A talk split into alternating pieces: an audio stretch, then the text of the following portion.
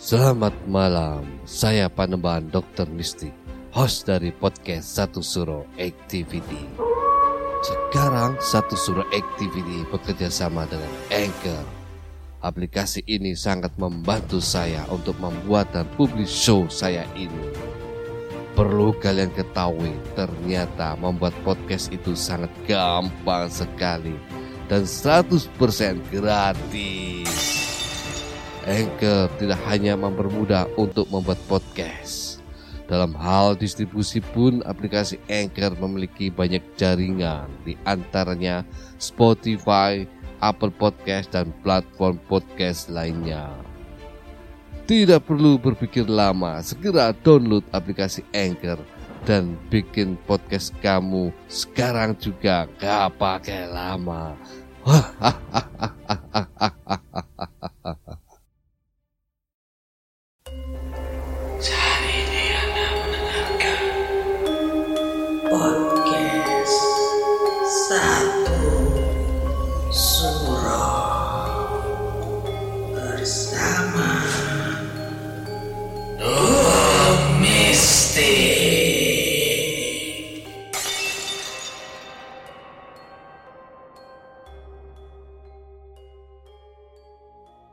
Assalamualaikum warahmatullahi wabarakatuh. Salam, salam, salam. Selamat malam. Rahayu, rahayu, rahayu. Para pendengar satu suro activity, saya Panembahan Dokter Mistik. Pada malam hari ini, satu suro activity mempersembahkan segmen Kini aku jadi tahu. Memberikan informasi cerita pengabdi setan. Selamat mendengarkan.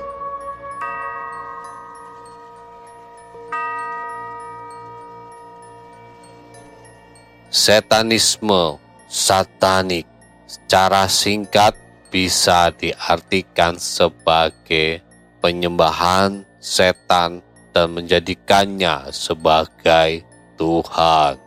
Selain menolak Tuhan dan semua agama dan nilai keagamaan, gerakan ini adalah ajaran melakukan hal-hal yang oleh agama dianggap berdosa.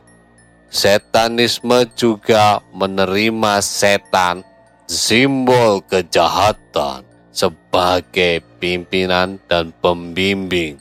Kaum setanis, yakni para pengikut ajaran setanisme, sudah ada dan melakukan acara mereka di setiap tahap sejarah dan dalam setiap peradaban.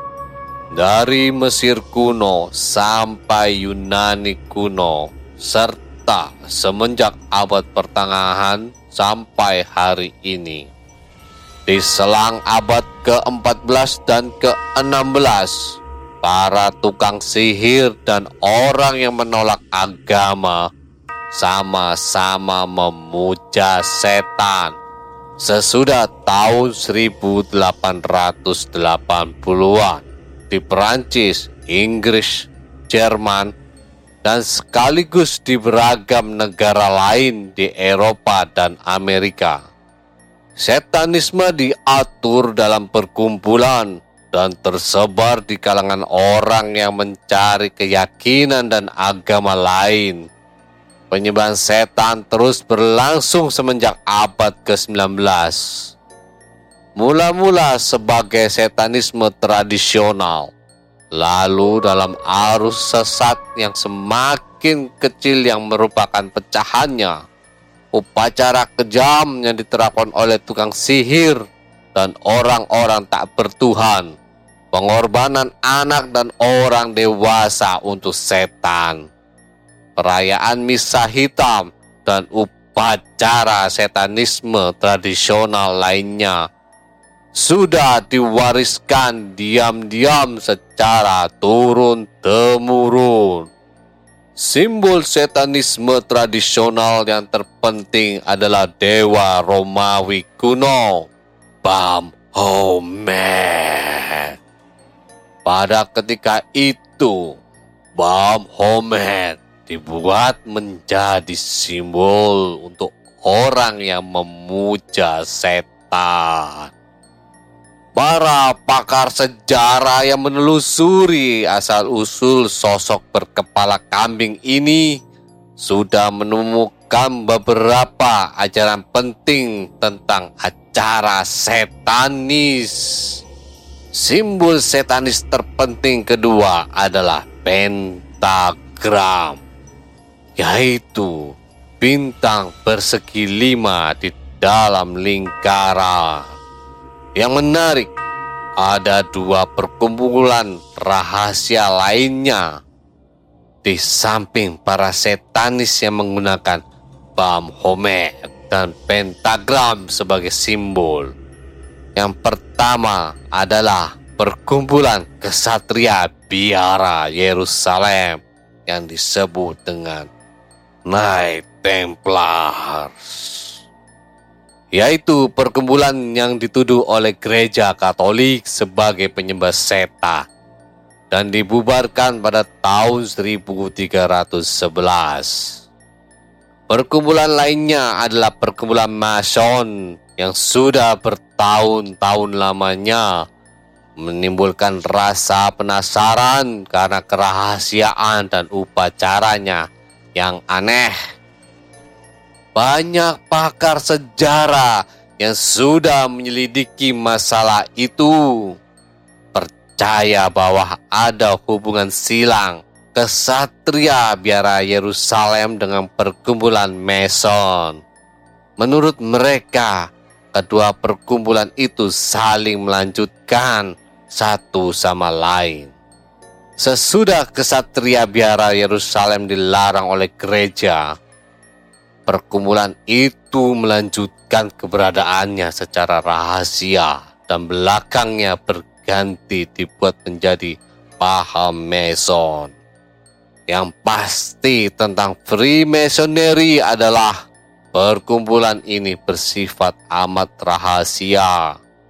Punya bangun organisasi dengan anggota di seluruh pelosok dunia Urayan yang diberikan seperti Leo Taksil yang pernah dibuat menjadi seorang Mason.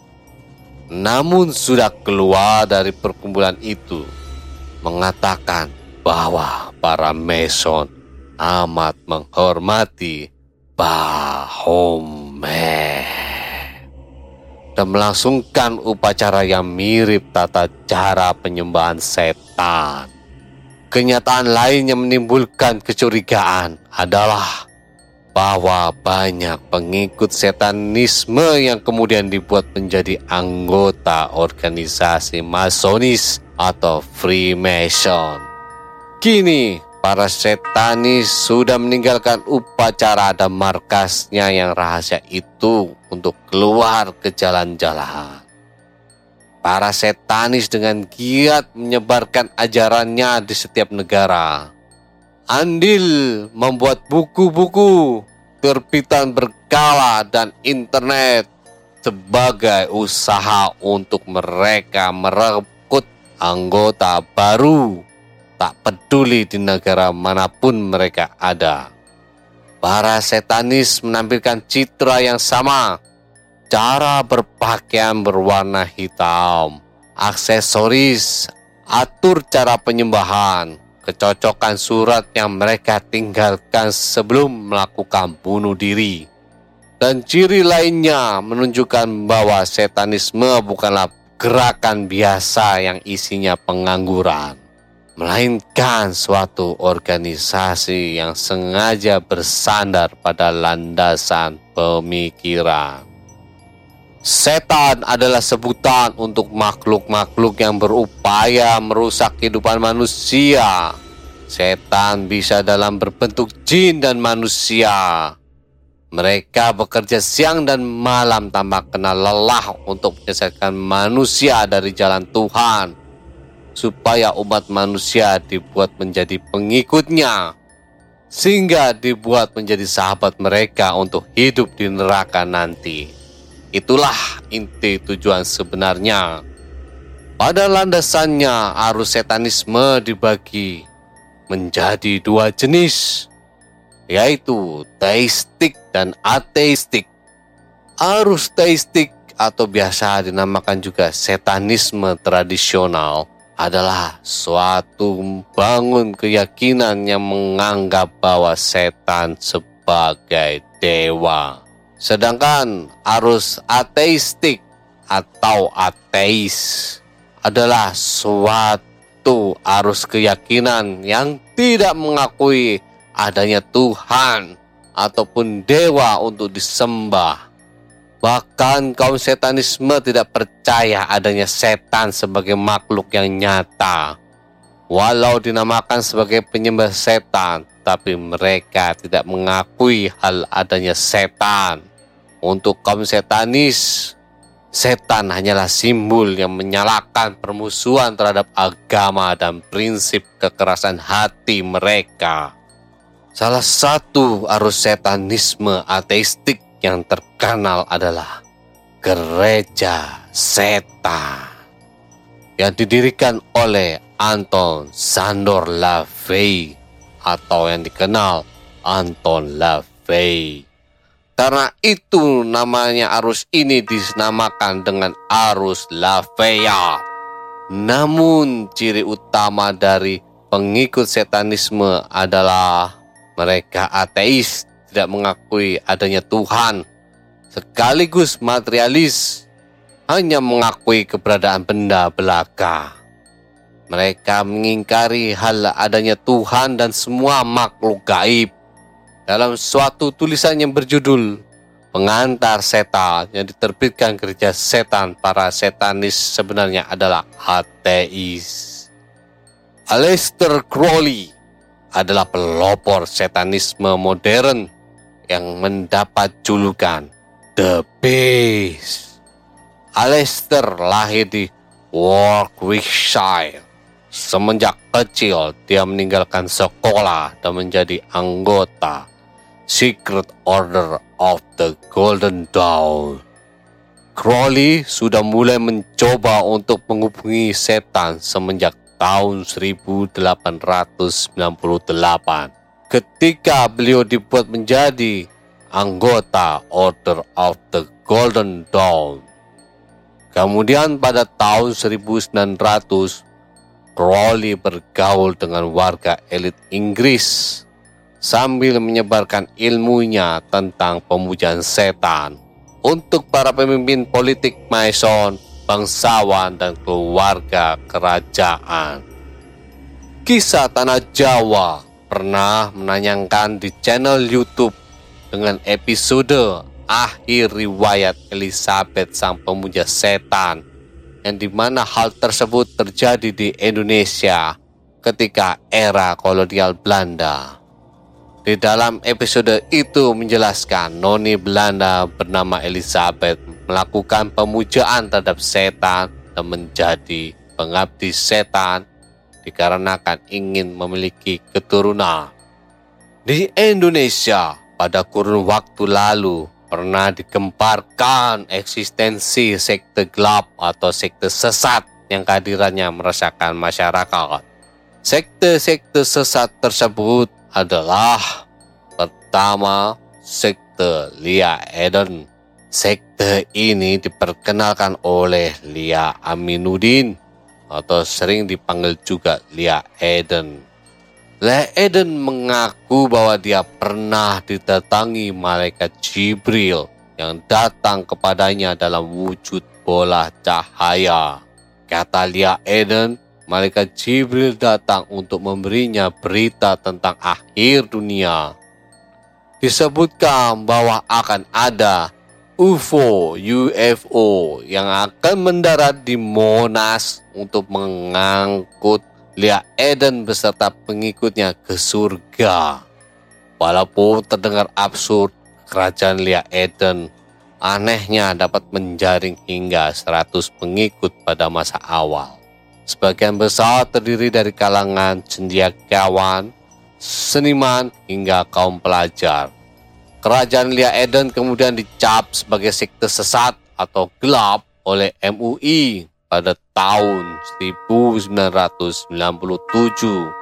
Selain itu, pendirinya juga difonis hukuman penjara pada tahun 2006 dan 2009. Yang kedua, Sekte Satria Piningit Weteng Buwono. Sekte Satria Piningit Weteng Buwono ini didirikan oleh Agus Imam Solihin. Dia mengaku sebagai Tuhan sejak 2005-2006. Agus yang mengaku sebagai Imam Mahdi mengajarkan kepada pengikutnya untuk meninggalkan sholat, puasa, dan menjalankan hubungan seksual bersama pasangannya secara bersama-sama pengikut lainnya dalam satu ruangan. Dianggap meresahkan dengan ajarannya yang menyimpang. Agus pun ditangkap namun sempat melarikan diri. Agus pun menyerahkan diri dan dia diadili dengan hukuman penjara 2 tahun 6 bulan. Ketiga, kerajaan ubur-ubur. Sekte ini dibentuk oleh pasangan Rudi dan Aisyah. Pengikut aliran sesat itu mayoritas warga Jawa Timur dan Jawa Tengah. Menurut keterangan pengikutnya, Aisyah mengaku sebagai Ratu Kidul yang menganut agama Sunda Wiwitan yang mengakui Al-Quran dan Allah Subhanahu wa Ta'ala. Namun Aisyah mengatakan kalau Allah Subhanahu wa Ta'ala memiliki makam menyerupai petilasan. Dia pun percaya kalau Nabi Muhammad berjenis kelamin perempuan. Bahkan Aisyah pun menjelaskan alasan setiap orang yang pergi haji mencium hajar aswad karena dianggap kelamin perempuan. Ka'bah pun bukanlah kibat umat muslim, tetapi tempat pemujaan berhala. Para pendengar satu suruh activity, mungkin saja saat ini eksistensi para pemuja dan pengabdi setan masih ada di sekitar kita yang menunjukkan secara terang-terangan ataupun tidak dengan memberikan iming-iming kenikmatan dunia yang semu para pendengar satu Zuro Activity, tetaplah iling lan waspodo. Assalamualaikum warahmatullahi wabarakatuh. Salam, salam, salam. Rahayu, rahayu, rahayu.